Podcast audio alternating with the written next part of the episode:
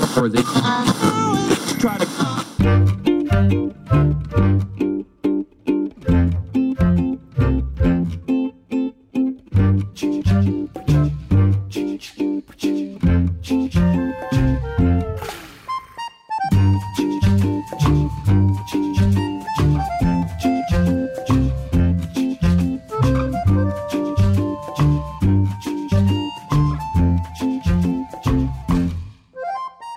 Välkommen till ett lyxigt avsnitt av Frekvens. Jag som pratar just nu heter Daniel Olsson och på andra sidan av dekagonbordet sitter den sällan lyxige Erik Bäckman. Hur är läget? Men det är bra. Men hur är det med dig då, Olofsson? Det är kanske sista gången jag ställer den frågan. Ja, eh, tack. Det är bra. Och anledningen till att du kanske ställer denna fråga för sista gången är att jag ska förmodligen byta namn. Och kön? Nej, inte kön. Inte än. Inte, ja, nej, inte än. Men, Eh, men, men namn i alla fall. Namn. Vi börjar på namn. Och Det är för att jag ska gifta mig. Men eh, inget är klart, så um, jag byter eh, namn när det sker, om två veckor. Förmodligen. Och Nu kommer jag hamna ännu längre ner i klasslistan. Fy, klasslistan. Ja, det var länge sedan.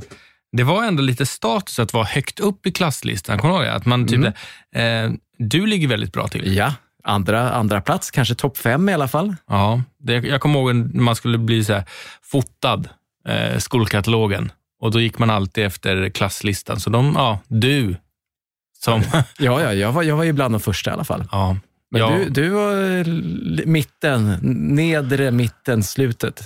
ja eh, och nu kommer jag ännu längre ner. Så det känns, eh, det känns tufft. Men, ja, ja. Men, men det är nästan ett helt avsnitt bara det här. ja, det är en psykologpodd, eh, en take på det. Alltså.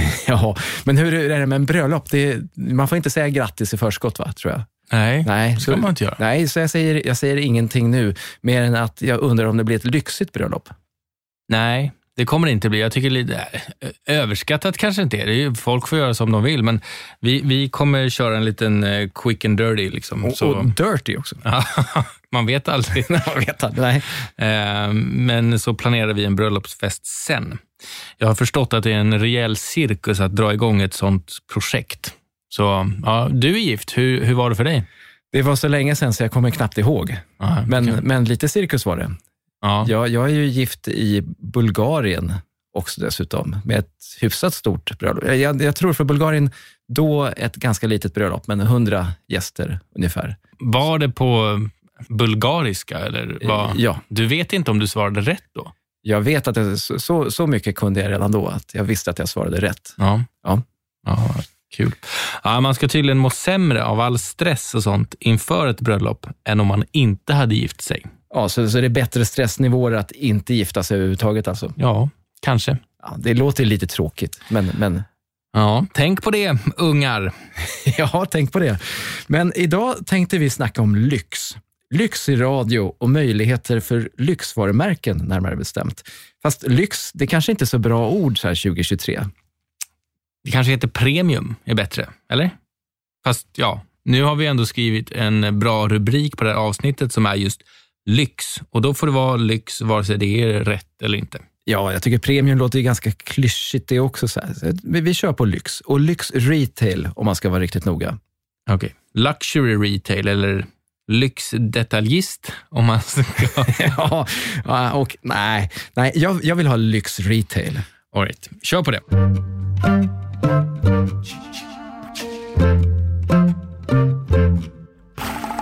Vad, vad händer i lyx retail? Eh, ja, men om man börjar med retail då, först och främst, så, så är det ju så att det är ganska många branscher som har varit på bollen länge och jobbat med radioreklam, medan andra branscher är förvånansvärt dåliga på det här, eller försiktiga kanske man ska säga i alla fall att de är, med tanke på hur kostnadseffektivt radioreklam är. Om man till exempel då kollar på Frankrike, Tyskland och Storbritannien, så räknar man med en genomsnittlig ROI för radioreklam på ungefär 7 euro per investerad en euro eh, enligt en del studier som har gjorts. Då. Eh, och det här är ju ännu bättre än snittet i vår svenska ROI-undersökning som vi snackade om för några avsnitt sedan. Eh, fast där ingick ju då förstås inte så mycket retail eftersom inte så mycket retail går i Sverige. Just det. En sidogrej här. Jag vill ju ha ett avsnitt med bara massa begrepp och nyckeltal. Så här. ROI, ROAS och allt möjligt. Ja, det tycker jag absolut är en rimlig idé. Eh, och, och, andra sköna förkortningar som TRP, GRP, CPM, CPT och så där. Men, men nej, vi ska inte prata om det idag. Nej, det får bli en annan gång helt enkelt. Ja, precis. Men retail är lönsamt att köra i radio alltså. Och så var det här med lyxen då. Estée Lauder, de körde för förra året en rätt omskriven ljudkampanj. De ville då marknadsföra nya parfymen Beautiful Magnolia eh, och sen så ville de då ta ett nytt grepp på det här. Eh, man lät kända författare och manusförfattare dofta på parfymen först och sen fick de skriva kärlekshistorier som baserades på vilka minnen och associationer som den här doften gav till dem. I spotten, som, eller spottarna, som blev resultatet av det här, så nämner man då Estée Lauder i början av reklamen. Men fokus var på berättandet och att skapa en känsla hos lyssnaren. Vi kan lyssna på hur reklamen lät. Dare to love. Scenes inspired by Estee Lauder's new fragrance, Beautiful Magnolia. Answer by writer Taye Salasi. You loved him madly, almost as much as you love your peace of mind. The other day, you found his shirt, the one he'd shed in Central Park. You smelled the hem, and there he was, his scent, alive, a presence. You'd promised yourself you wouldn't call, but then did. Whispering, answer. His love for you was conditional, but what a beautiful condition. His heart, his heat, your cheek to his chest. He didn't answer the phone. Some weeks later, you woke up alone and caught your scent on the pillow. So specifically yours. Your skin, your warmth, yourself. You. Here was your answer. Det här är ju äh, nytänkande och, och, bra, känner jag. Alltså, och, mo och modigt. Modigt. Äh, för, för sådana här varumärken brukar oftast ha, brukar marknadsföra sig i, i visuella medier, där man kan visa upp produkten och där man då kan kanske kombinera både ljud och bild för att få till då den här rätta känslan.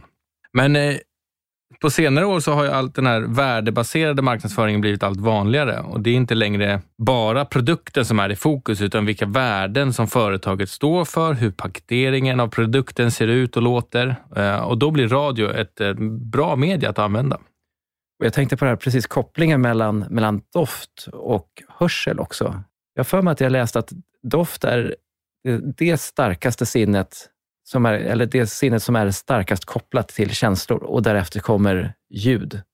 Så att just ljudreklam runt doft blir då väldigt förknippat till känslor. Ja, så kan man inte dofta det så kan man ljudsätta det och ja, uppleva... Kan man inte känna doften så kan man höra doften. Ja, djupt.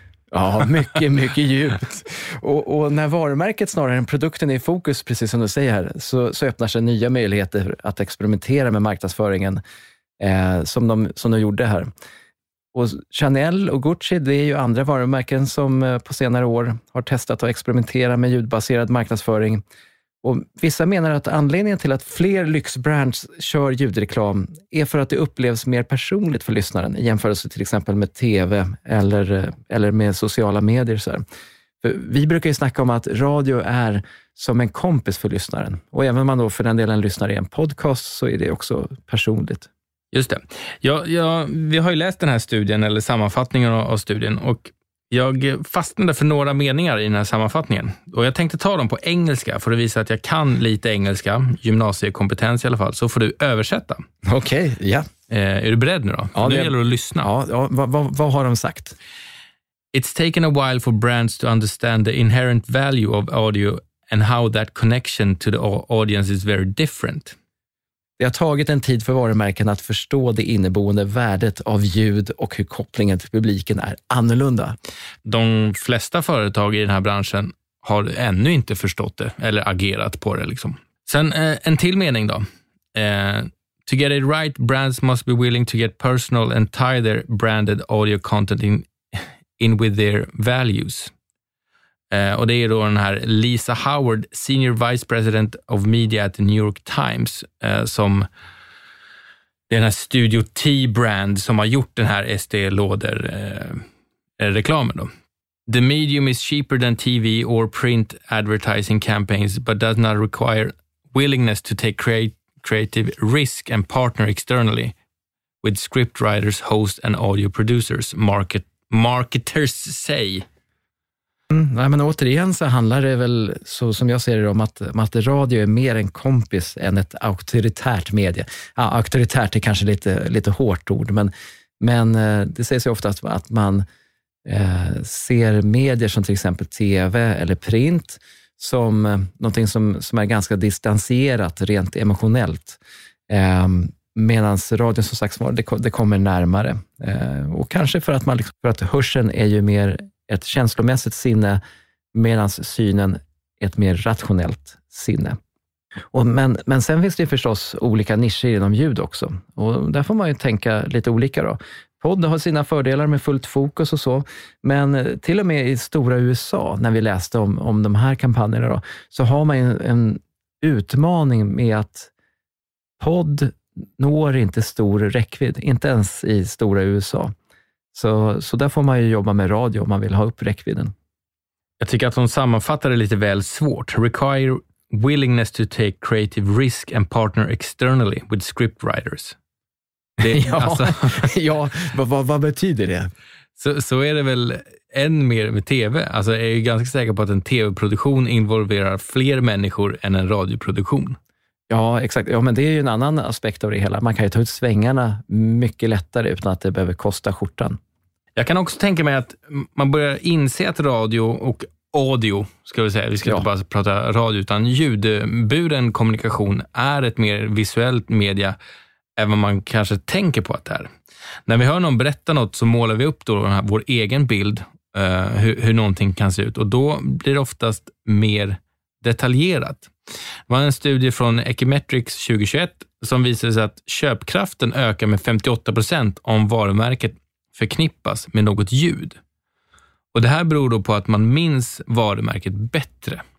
Och det är ju enormt bra, 58 procent.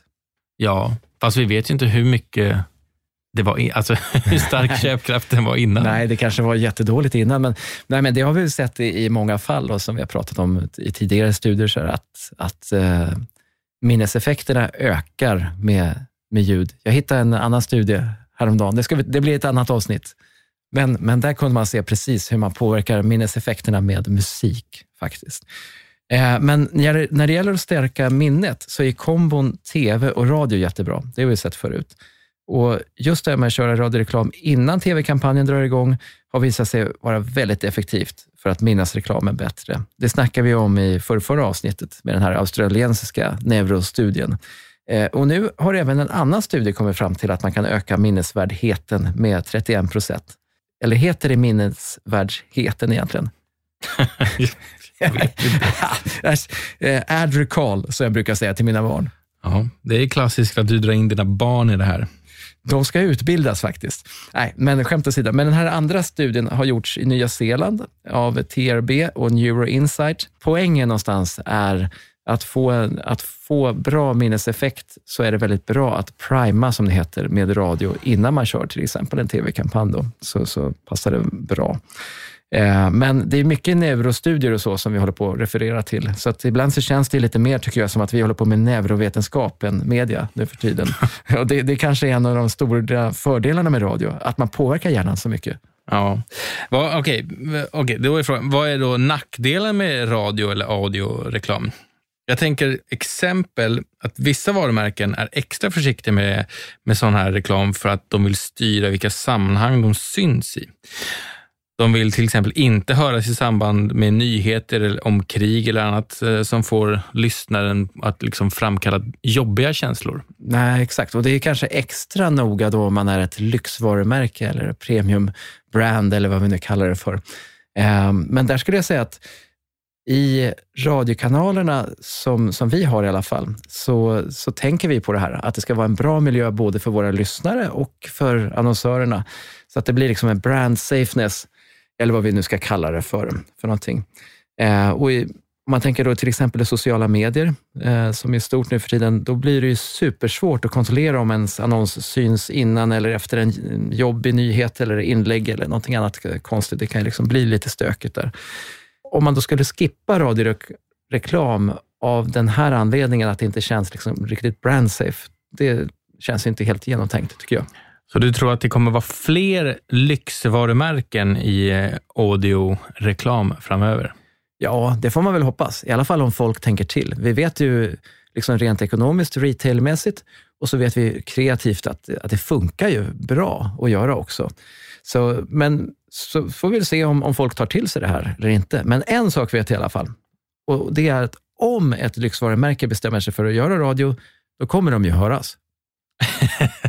ja, ja, så är det. Om ett börjar så kanske fler kommer hänga på trenden. Och, och... Ja, så, så brukar det alltid vara också.